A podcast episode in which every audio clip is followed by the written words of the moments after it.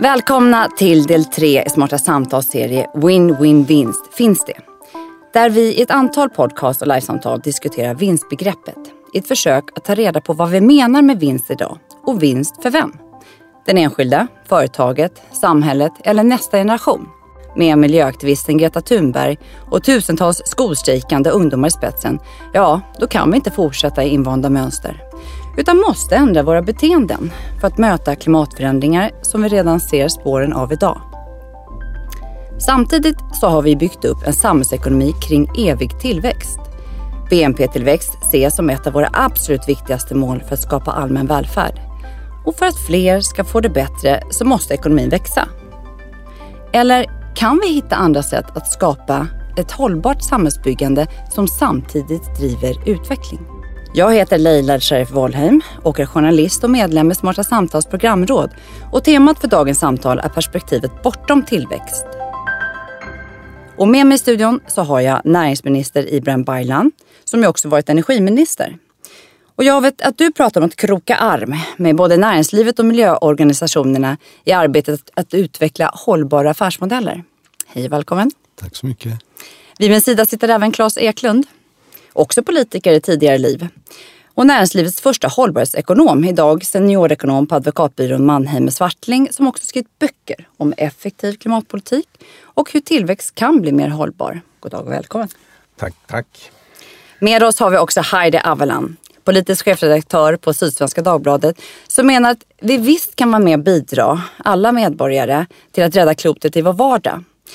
Men frågan att hitta lösningar på samhällsnivå vill hon däremot skicka dit den där hör hemma, hos politikerna och inte i knät på oss medborgare och konsumenter. Varmt välkomna alla tre. Tack.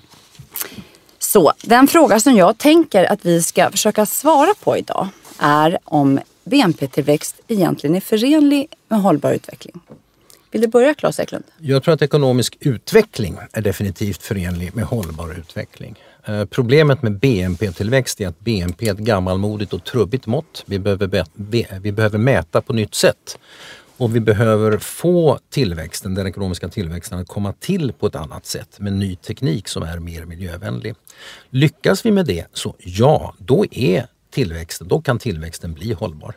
Okej, okay, ja på den frågan men med vissa förbehåll. Ja. Heidi Aveland, vad säger du?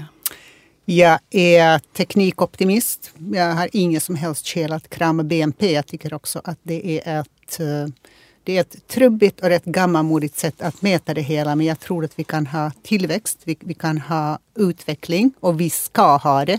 För det är i, den, eh, i tekniska innovationer och i utveckling och nytänkande, mer kunskap som också svaren på de frågor du talade inledningsvis ligger. Det som eh, ungdomarna strejkar för just nu, en hållbar framtid, den kommer inte om vi inte kommer med nya lösningar och de lösningarna ligger i någon slags tillväxt. Vi kommer återkomma till det.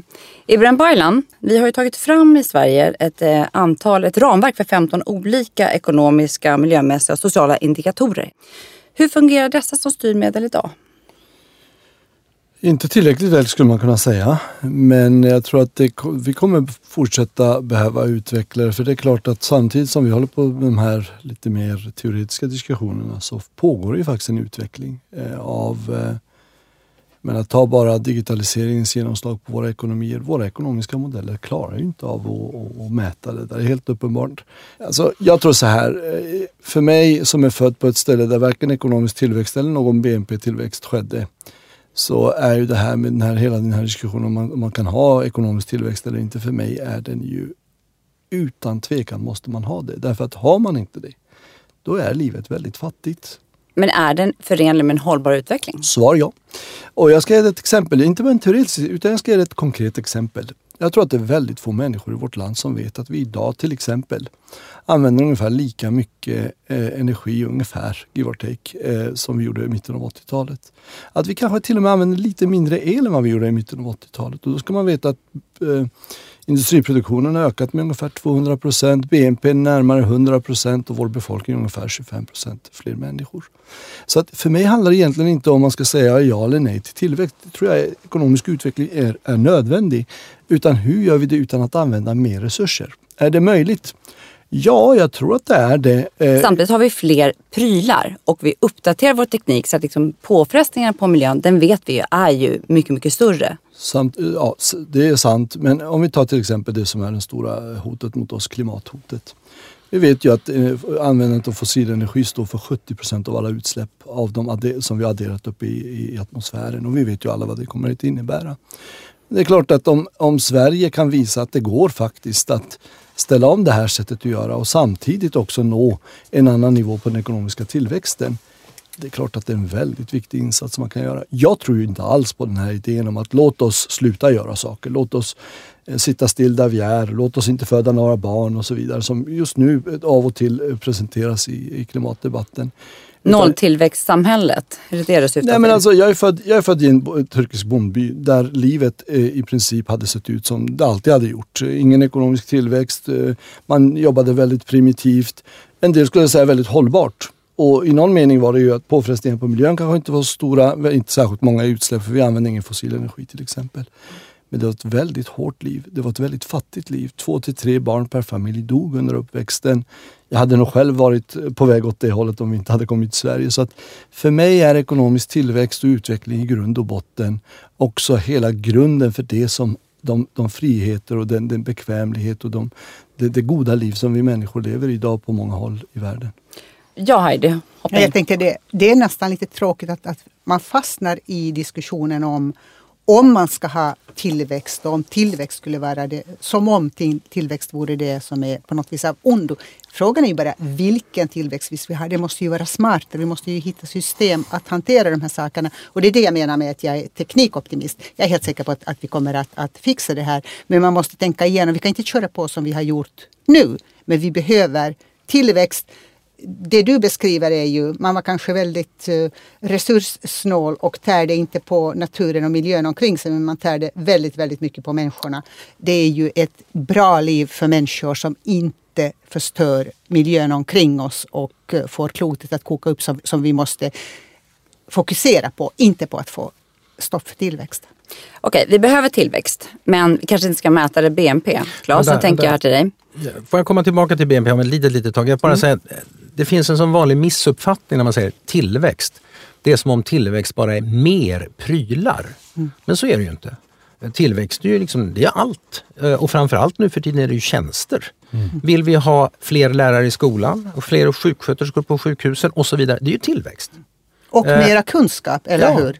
Det är ja. det framförallt. Det är ju inte Högre tillverkning. Vi, alltså, har, vi fastnar alltid i det här att, att man ska tillverka saker. Men det är inte det vi ska göra. Så det är det ena. Tillväxt är inte bara prylar utan det är allt annat också. Och numera framför allt tjänster av olika slag, både privata och offentliga. För det andra, tillväxt är inte heller more of the same utan tillväxt är omvandling. Det är ju inte så att vi äter mer sill och potatis nu än vi gjorde på 80-talet eller på 1800-talet utan vi äter väldigt många olika rätter, inklusive turkiska som Ibar haft med sig. Eh, vi, det är inte så att vi har stampade jordgolv utan vi bor bättre. Alltså ni, ni förstår vad jag menar. Det, det, tillväxt är både tjänster och omvandling. Det är inte more of the same och det här är ju otroligt viktigt att förstå. Tillväxt i den meningen inte jag tycker, jag tycker inte om ordet tillväxt. Jag skulle hellre tala om ekonomisk omvandling för det är det vi behöver. Vi behöver producera mer kunskap, mer sjukvård, mer skola och mer kloka prylar som använder mindre energi, som är snålare, smartare på olika sätt. Jag föredrar att kalla det omvandling. Jag tycker mm. tillväxtbegreppet är gammalt och mossigt. Tillbaka till BNP vill jag bara lite grann utröna. Om vi nu inte ska mäta ekonomisk välfärd som den enda delen i drivkraften för tillväxt. Vilka andra delar, vi, vi kan titta på Nya Zeeland då som fick mm. stor uppmärksamhet nu när de meddelar att de skrotar BNP-måttet så som vi känner det genom att komplettera ett antal andra indikatorer. Socialt och mänskligt som psykisk ohälsa och barnfattigdom. Och jag var inne på det inledningsvis här med, med dig Ibrahim om att Sverige redan har ett sådant ramverk. Varför använder vi inte det som mål för tillväxt?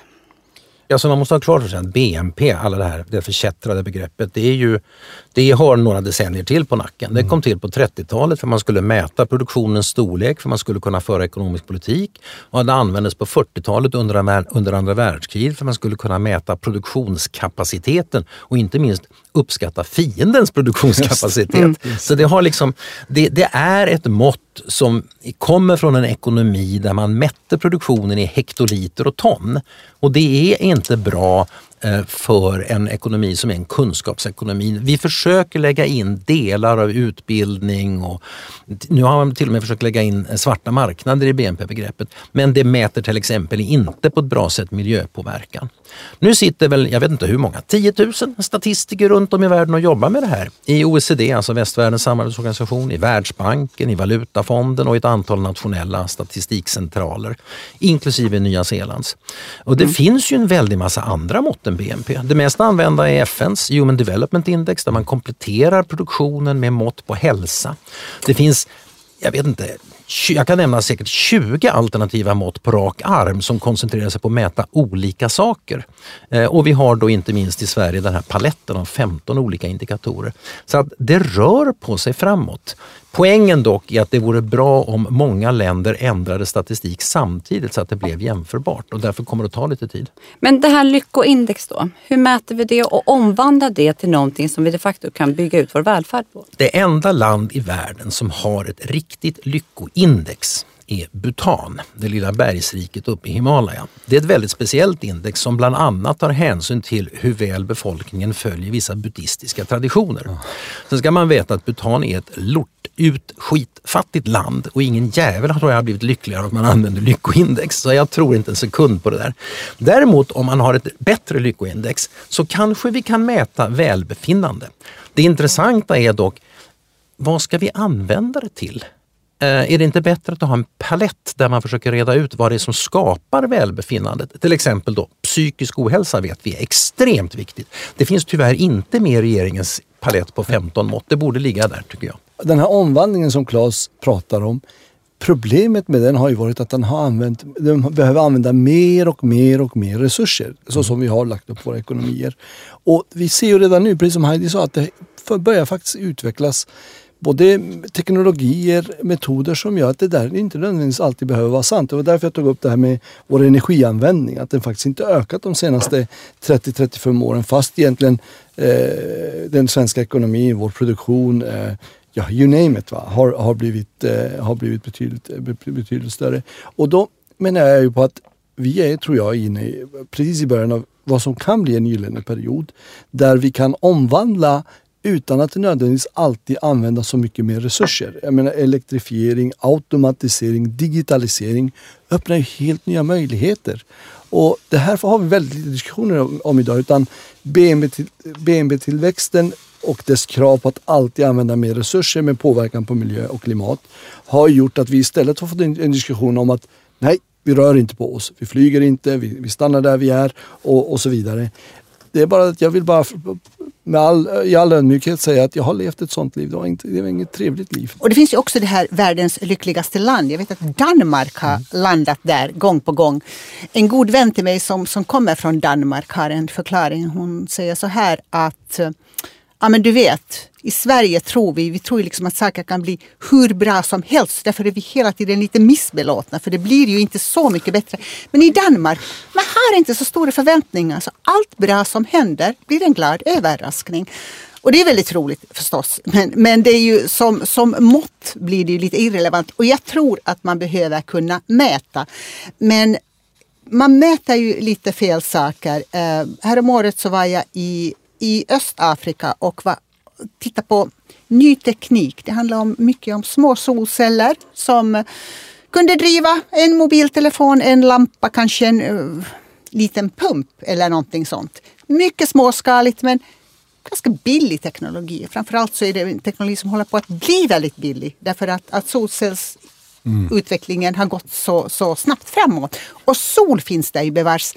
Men, men när man talar med beslutsfattare så verkar det som det var liksom ointressant. Det här var något som konsumenterna själva fick pyssla med och, och, och, det fanns olika businessmodeller för att komma över en, en solcell som ju ändå kostar för, för en, en fattig människa på landet ganska mycket pengar. Men det som beslutsfattarna var intresserade av, det var ju att dra ledning. Att mm. elektrifiera byar därför att det har, det har varit vårt, liksom, vårt utvecklingsmått och särskilt då i utvecklingsländer att dra ledning med mm. el. Elledningar, Nät i sig var det viktiga och inte det att, att börja tänka okej okay, på vilket sätt kan ett land som Tanzania, väldigt glest befolkat. Hur kan riktigt, riktigt många människor komma åt elektricitet för sitt dagliga behov.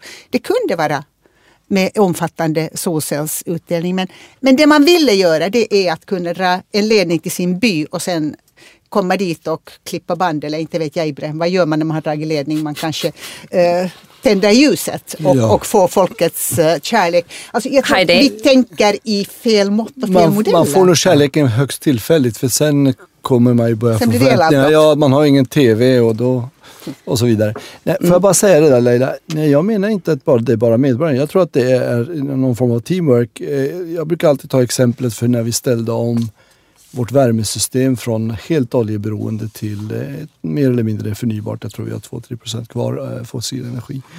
Hur gjorde vi då? Ja, det var en rad saker. Vi hjälpte folk att byta ut sina oljecisterner olje, i, i, i, villorna, byta fönster så att vi inte använder så mycket, alltså bli effektivare. Vi införde en skatt så att man också skulle känna att ja, men det är lättare att göra det, det, det blir billigare att göra, relativt i alla fall, sett, billigare att göra det, det, det, som är det rätta. Va? Och jag menar, det är precis det vi behöver göra den här gången också. Jag, jag jobbade väldigt mycket med det som energiminister och vi lyckades faktiskt också skapa en ganska bred samsyn kring utvecklingen. Inte bara så på lång sikt som det ibland låter, utan faktiskt under också steg för steg att ta fram alla de här fördelarna som vi pratar om. Men den gången gick det ju också vara... lite fel, eller hur? Därför att, att det gick ju också lite fel där när oljepannorna rök. För vad kom istället? Jo, i väldigt många fall så var det ju direktverkande el som några så år senare framstod som inte det mest I Skåne ja, men inte i många andra delar. Okay. Fjärrvärme, okay. Fjärrvärmen har, har haft stora framgångar. Fast på landet. Fast jag hör ändå på dig Heidi att här vill ju du se mer politiska styrmedel, förstår jag rätt? Jag tänker så här att äh, väldigt många av oss går runt med ett äh, ganska, vi har, vi har skavsår i vårt klimatsamvete äh, helt enkelt. jag kan ju säga att jag har flugit upp från Skåne hit idag. Och tycker jag det är bra? Nej, det var enda möjligheten men jag kan ju jag kan ju drabbas lite av det här att det skaver i själen. Och samtidigt så vill jag inte riktigt ställa upp på det att vissa av oss ska ha så öm hud och börja bära det här ansvaret, förlora vår nattsömn för att det går som det går med klimatet. Därför att ett, det har ingen effekt och två, ansvaret blir ju väldigt ojämnt fördelat om några ska ställa om sina liv väldigt, väldigt mycket. Medan andra kör på som de har gjort. Så där menar jag att vi behöver vi behöver strukturella förändringar i samhället. Vi behöver stora satsningar, kanske på flyg som inte äh, är så eh, klimatskadliga som nu stora infrastruktursatsningar. Hur ska vi bo? Mm. Hur ska vi färdas? Hur ska vi vara? Bra. Vi behöver skatter. Vi behöver kanske mera kärnkraft. Vi behöver börja tala om vad är det rent konkret det här betyder. För att införa köttfri måndag hemma hos sig själv. Vi ska vara ärliga, det kanske är ett bra beslut för en själv men det kommer inte att ändra världen. Bra, det ska ni få göra nu. Så här. När forskningsprogrammet Bortom BNP-tillväxt fick uppdrag att titta på Sverige och hur det skulle kunna se ut om målet nu inte var ekonomisk tillväxt, ni känner till det, utan människor och miljö istället. Då tog ju de fram fyra scenarier för framtiden. En kollaborativ ekonomi där vi delar på nästan allt. En där vi bor på landet och odlar all vår egen mat en cirkulär ekonomi där vi avfall inte existerar och en fjärde en automatiserad framtid där robotar och maskiner gör allt jobb. Hur ser ert framtids-Sverige ut om ni får drömma? Jag tror väldigt mycket på eh, tanken på cirkulär ekonomi i meningen att man använder insatsvaror och råvaror som ska kunna gå att eh, komma tillbaka till naturens kretslopp. Och det där betyder att man ska designa produkter och produktionsprocesser rätt från början. Mm. Så det tror jag är en, en, väldigt viktig ingrediens i ett fint, ett bra framtida samhälle. Men frågan är, jag måste, hur kommer vi dit? Alltså, jag tror att det behövs åtgärder som påverkar den enskilde och företaget. Och då är som ekonom det naturligtvis väldigt mycket ekonomiska styrmedel. Det ska vara dyrt att göra fel mm. och det ska bli billigt. Man ska bli belönad av att göra rätt och det gäller både konsumenter och företag. Därutöver krävs det stora, tror jag, offentliga satsningar nu, eh, nu är inte finansministern här, men du kan ju framföra Ibrahim till henne. Alltså, Vadå för satsning? Ja, vi, men vi har ju just nu eh, en statsskuld som faller som en sten. Vi har budgetöverskott eh, och vi, klart, vi, vi kommer att gå in i en lågkonjunktur där Riksbanken är bakbunden och räntan är noll.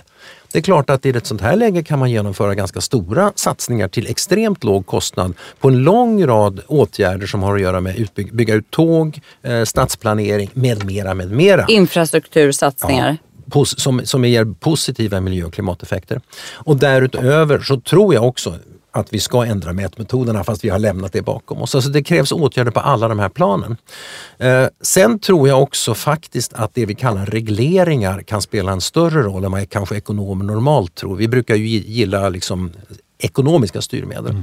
Men det finns eh, regleringar som jag tror är ganska positiva. Ta till exempel den här som det kallas på fint språk reduktionsplikten. Alltså att man talar om för bilindustrin att ni måste minska utsläppen med x procent och y procent och så vidare.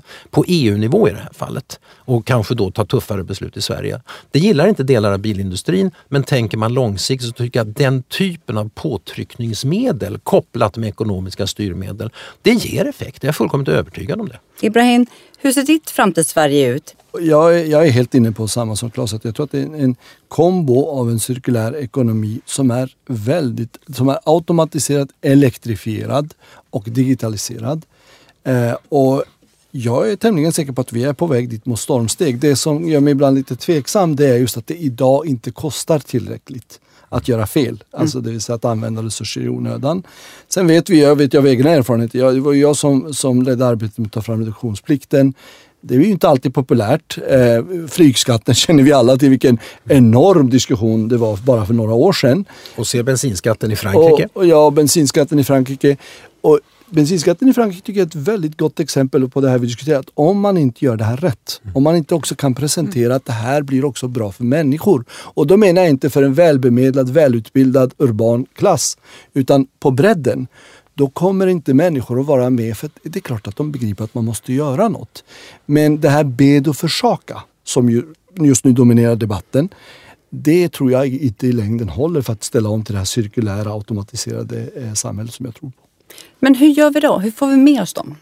Jag tror att i grund och botten att både det här som, som eh, både Claes och Heidi var inne på, stora investeringar som faktiskt gör livet lättare för folk. Det är klart att att, att flyga har inget egenvärde för de allra flesta utan det är att ta sig från punkt A till punkt B. Om man då har ett tågsystem som håller, eh, då gör man det istället då, så, och inte allt, all, kostar allt för mycket. Det handlar också tror jag om att hjälpa människor att investera i det som är det kloka. Och sen till syvende och sist tror jag att våga vara först med att göra saker. Jag tror att, det är en, att Sverige ska våga vara först? Ja, jag tror att det är en av våra viktigaste uppgifter. Ibland blir det så här, jag, jag hade en diskussion, en ganska lång diskussion med en professor i energisystem för något år sedan. Som tyckte att det var helt fel att vi investerade forskning och innovationsmedel på att ta fram eh, stål utan eh, kol. Eh, han menar på att den, de 20 terawattimmar ren el som vi eh, skulle då eh, gå in med det här. Vi gjorde mycket bättre nytta om vi exporterade till Polen och Tyskland därför att de använder ju mycket kol. Ja, så kan man tänka. Eller så kan man tänka så här, gud vad fantastiskt det vore om det finns ett land som kan visa att det går att göra stål, för stål kommer vi behöva, utan att använda fossil energi.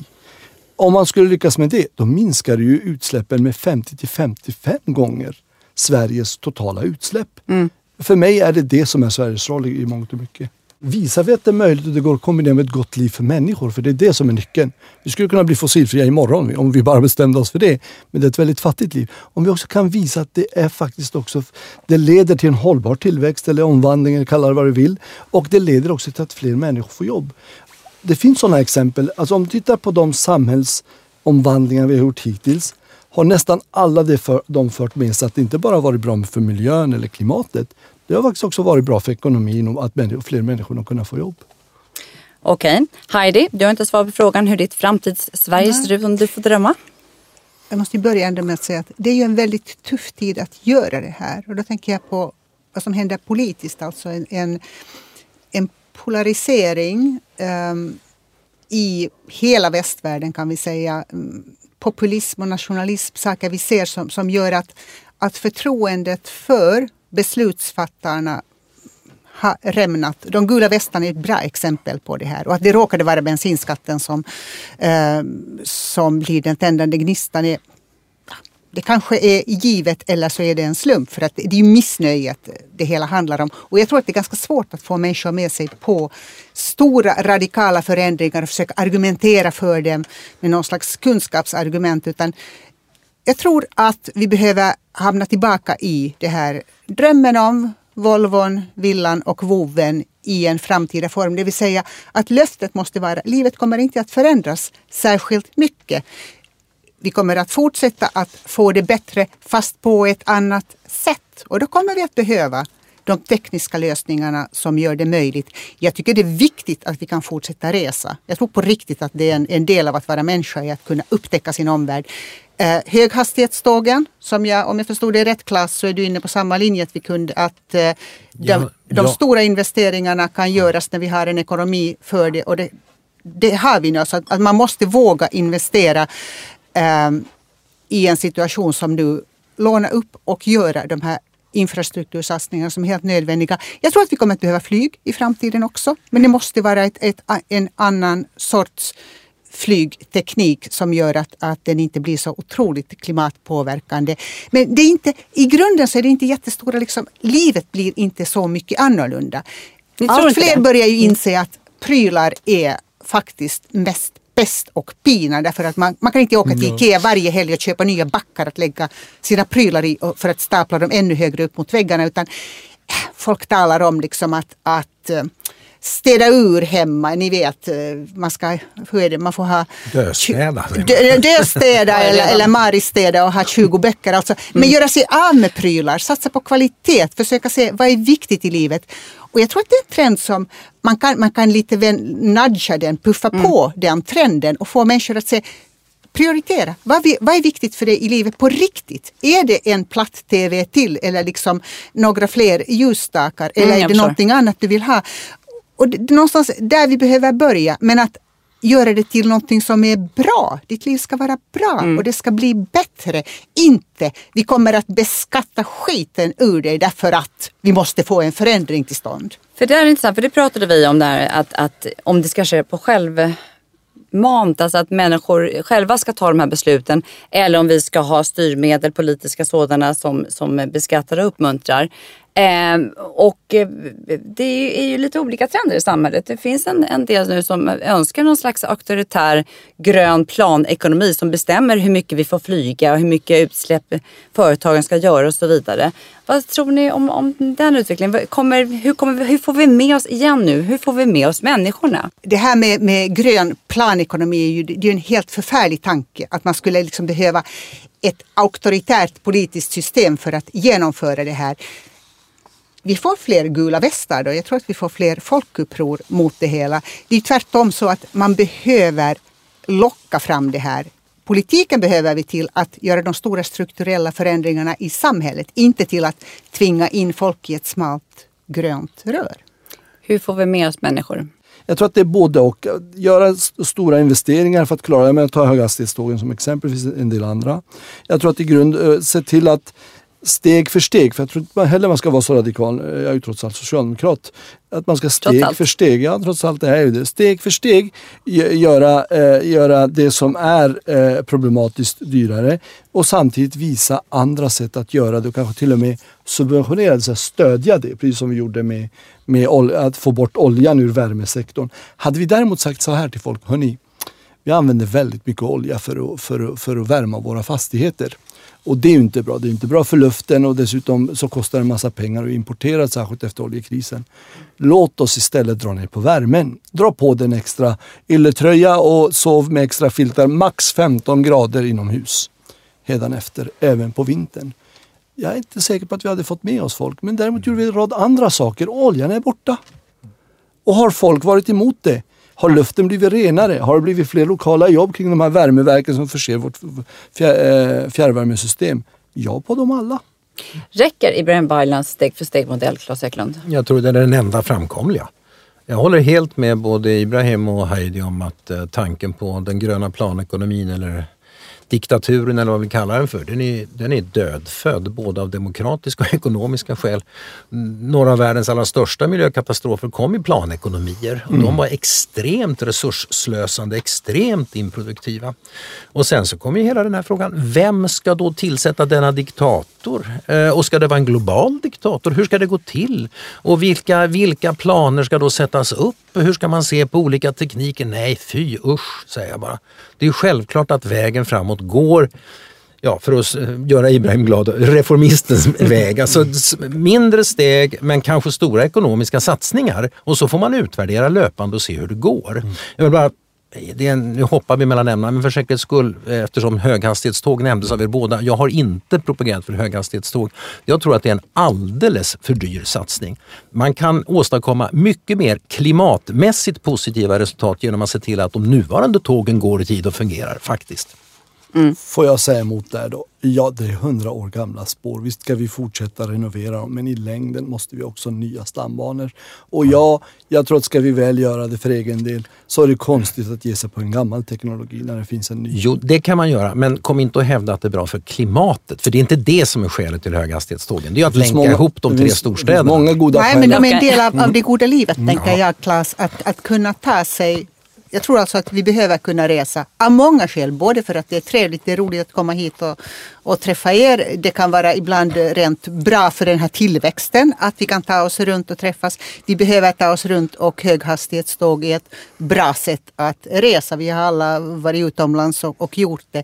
Det är inte kanske just för klimatet utan för livet. Och det är ju det där bra livet vi ska agna med. Eller hur? Det bra livet om det finns en planet att leva det på. Förra året så inträffade Earth Overshoot Day 2 augusti, vilket då är två dagar tidigare än året innan. Under resten av årets fem månader så lever vi då över våra tillgångar enligt Global Footprint Network. På bankspråk så innebär det att vi lever på kapitalet och inte på räntan. Här upplever jag ofta att människor är uppdelade i två läger. Det ena gänget säger att loppet är kört att vi nu snarast möjligt måste börja omställningen till ett nolltillväxtsamhälle. Det andra gänget, teknikoptimisterna, säger att vi kan luta oss tillbaka och förlita oss till att teknikutvecklingen löser klimatfrågan. Vilken grupp tillhör ni? Alltså bara att, att nolltillväxt skulle lösa det där problemet, det stämmer ju inte. Nolltillväxt betyder att ekonomin inte växer, men vi förbrukar mm. ju ändå vartenda år av dessa resurser som i så fall skulle ta slut. Så att det där är fel tänkt från början. Eh, I så fall ska vi krympa ekonomin radikalt. Nedtillväxt. Ja, och då mm. är vi tillbaka till Ibrahims eh, och Heidis resonemang om det goda livet och det kommer folk inte acceptera. Det finns ett fundamentalt fel i den där dystopiska bilden av våra tillgångar som tar slut. Och det är att faktiskt ingen vet vad som är framtidens naturtillgångar. Naturtillgångar ändras över tiden. Ta eh, det mest kända exemplet i Sverige är den stora järnklumpen som ligger under Kiruna Malmberget. För 150 år sedan var inte det någon naturtillgång. Man kunde inte använda den. Sen uppfanns Thomasprocessen som gjorde att man kunde använda den där järnmalmen till att producera järn och sen stål. Eh, och vi vet inte hur framtiden ser ut. Det kommer nya processer som gör att andra naturresurser eller att annat blir naturresurser. Och för att ta det mest välkända och dagens aktuella exempel är ju energin.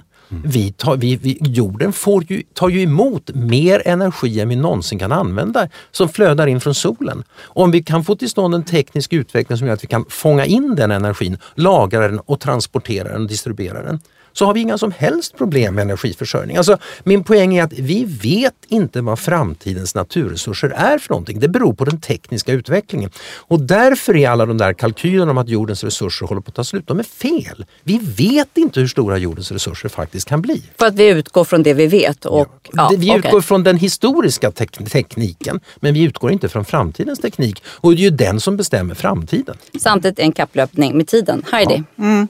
Och på kortare sikt så handlar det ju också om att återvinna väldigt, väldigt mycket bättre. Vi talar nu mm. om, om vissa metaller, mineraler, saker som vi behöver i teknologin och det inte finns så mycket av och sånt. Nej, det är ju så att vi kan ju inte lägga saker som är resurser just nu på soptippar eller, eller skeppa till, till Afrika utan vi behöver ta om hand och det är ju på gång. Jag tycker att, att det är rätt imponerande hur snabbt man ändå har börjat få sådana här olika, att ta vara på våra sopor, göra någonting bättre av dem.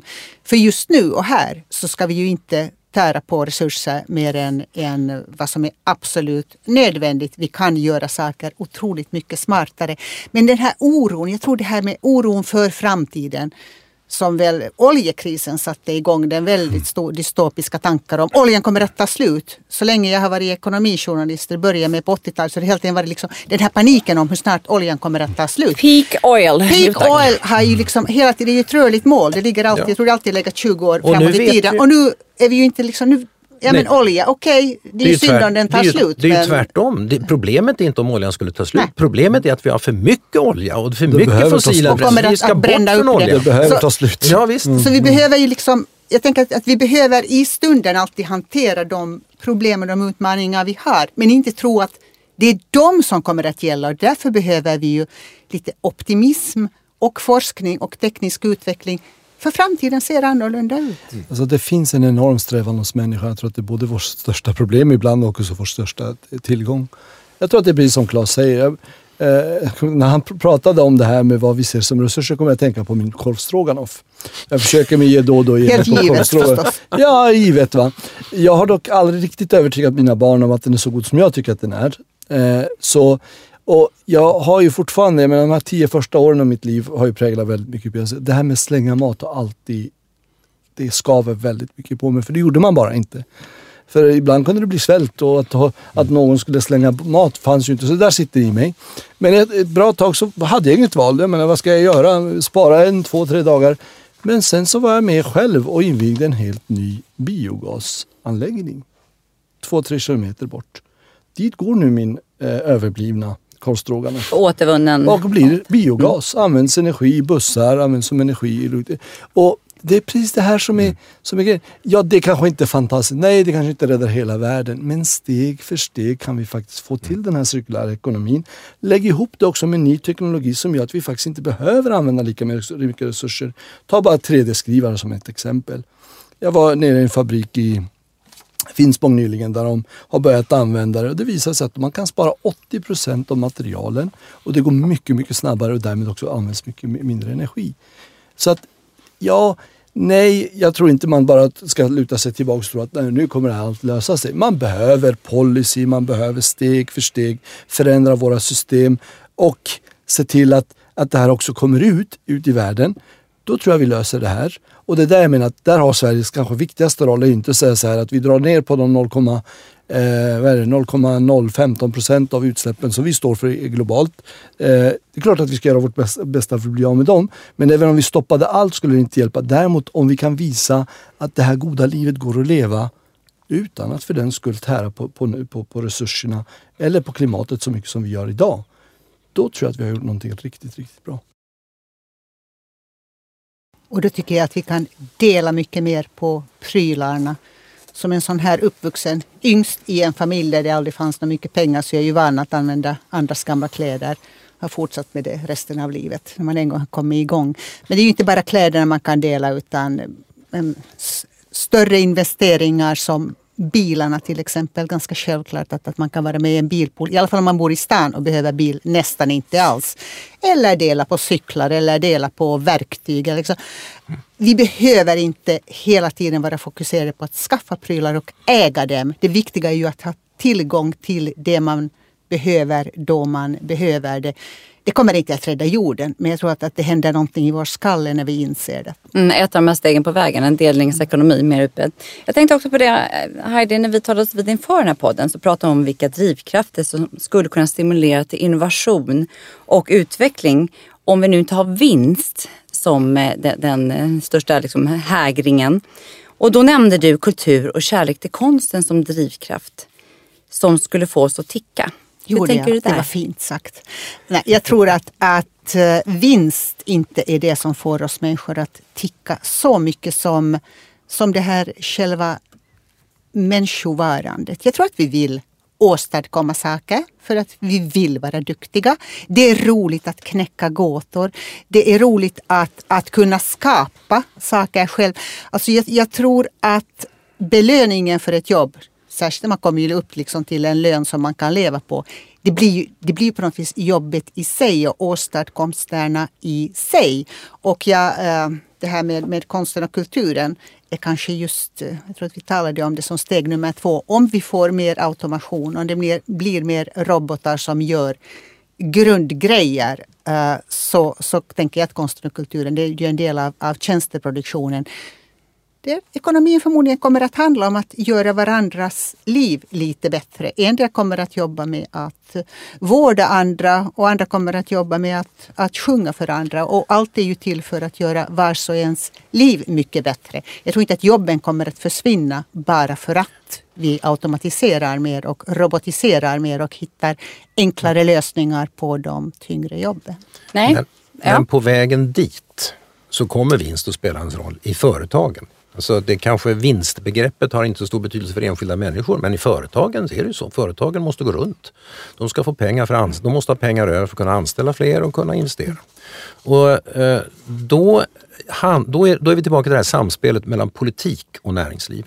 Därför att det ligger på politiken i väldigt hög grad att försöka se till så att företagen kan göra vinst bara om de sköter sig så att säga klimatmässigt och miljömässigt. Och det är precis då de här ekonomiska styrmedlen kommer in. Koldioxidskatten är ju det mest kända mm. exemplet men det finns mängder av andra. Eh, och det handlar också om att påverka den finansiella sektorn.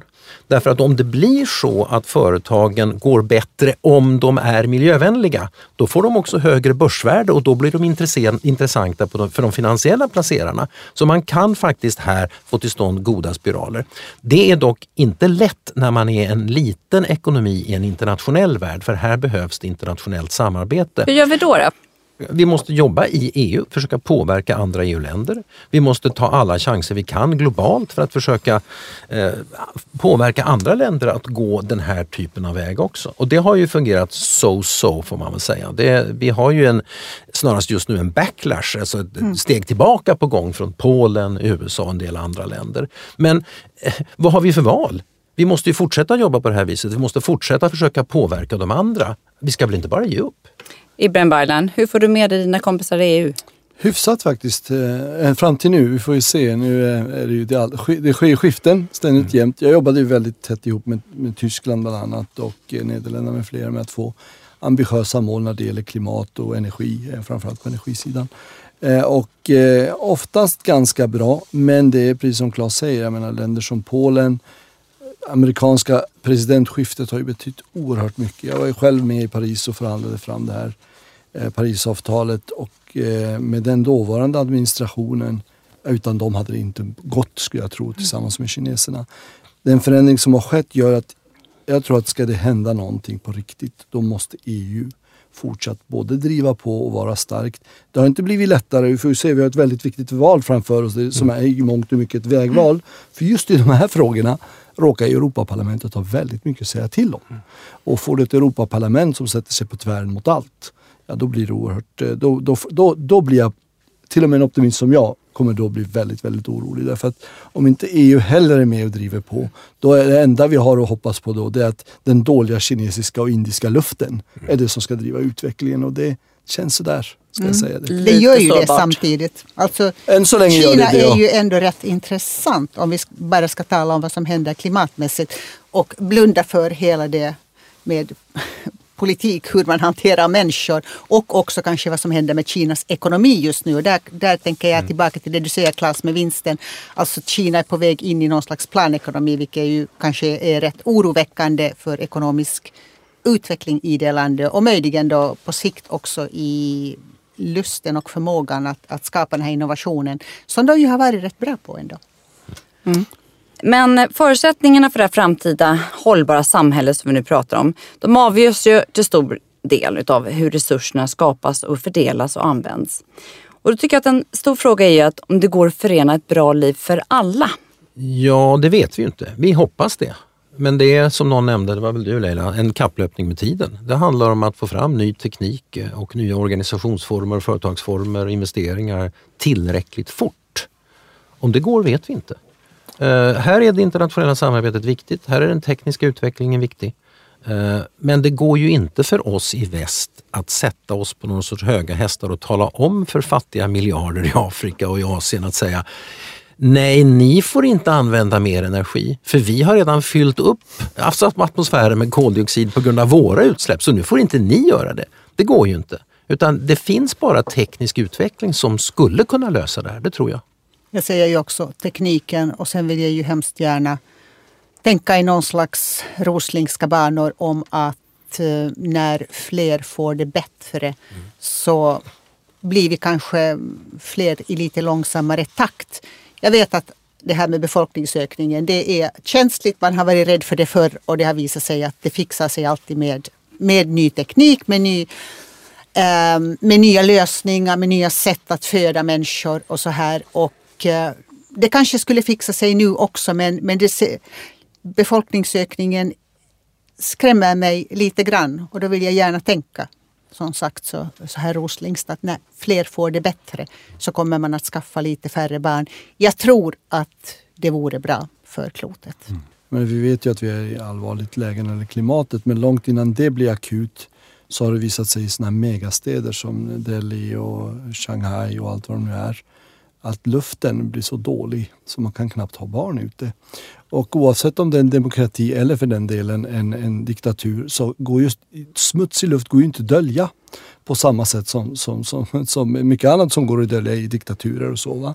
Det som gör mig optimistisk fortfarande är att vi har ju historiskt visat oss gång på gång kapabla att göra det här. Enda, mitt enda dilemma med det där är att det är nästan så att det händer när det nästan träffar oss i näsan. Och den här gången har vi inte råd att vänta på detta utan vi måste också ta oss an ett problem som ligger en bit ifrån oss. Och det, det har ju tyvärr människan ibland en förmåga att, att stoppa huvudet i sanden. Men jag hoppas. Jag, jag hoppas. Ja. Jag tänkte att vi skulle få avsluta lite grann med att drömma just. Om vi nu får önska. Hur ser det ut i framtiden? Reser vi fortfarande? Träffar vi, besöker vi andra delar av världen och vilka liksom naturresurser finns kvar?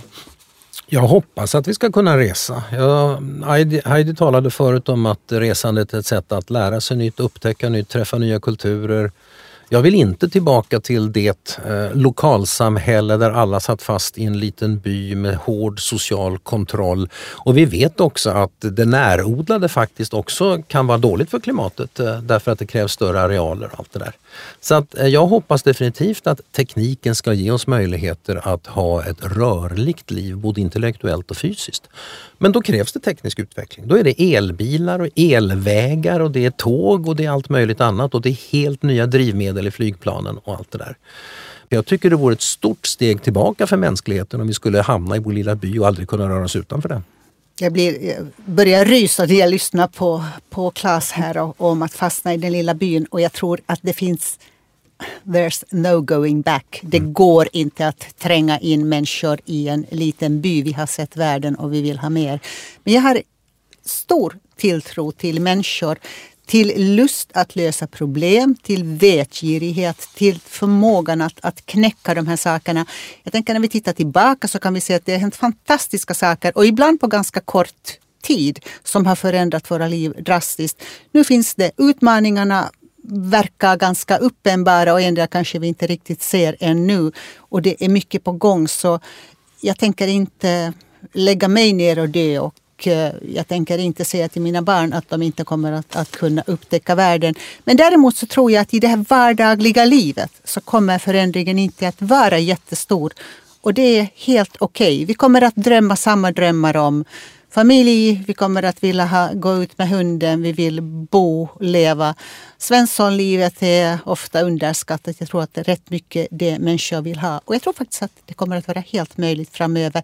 Inte bara hos oss utan Svenssonliv överallt. Omställningen kommer leda till ett bättre liv, inte ett sämre liv tror jag. Eh, alla omställningar vi har gjort hittills har ju visat på, på detsamma. Det är ingen som håller på att sakna sin klorblekta papper. Eh, jag tror att vi kommer sakna våra bensintankar i bilarna lika mycket som vi saknar våra oljetankar i våra småhus. Eh, och eh, dock är det ju bråttom. Vi behöver ju verkligen visa att det här är möjligt att göra och göra det på ett sätt som gör livet bättre. För problemet är att om, om, om det är tillbaks till byn. Jag bodde i samma by i tio år. Jag var aldrig utanför byn. Det var inget, det var inget trevligt det heller. Det var, som sagt också väldigt fattigt. Det är ju inte någonting som kommer att attrahera någon annan fånga deras fan, positiva fantasi, drömma om en framtid oavsett för sig själv eller sin familj. Så att jag är fullständigt övertygad om att precis som vi gjort omställningar tidigare som har blivit bättre för människor så kommer också den här omställningen att genomförd Det kommer inte ens bli en diskussionsfråga om det var bra eller dåligt att göra den. Det kommer vara så självklart att det var bra. Ja, det enda vi med säkerhet vet är att det inte kommer bli som vi tänkte oss. Stort tack Ibrahim Baylan, Heidi Avelan och Claes Eklund för att ni varit med i Smarta Samtal Podcast. Tack för att vi fick komma. Tackar. Tack. I nästa del i vår vinstserie så möter vi Marcus Kalfatides, docent på Handelshögskolan och grundare av nya socialdemokratiska föreningen Reformisterna. Han ska prata om sin syn på vinst, hur välfärden hänger samman med den ekonomiska tillväxten och hur verksamheters vinst bör fördelas för att livet på jorden ska både bli mer jämlikt och mer hållbart. Enklast håller du koll genom att prenumerera på Smarta Samtal Podcast och följ oss gärna i sociala medier. Det var allt. Varmt tack för att du har lyssnat.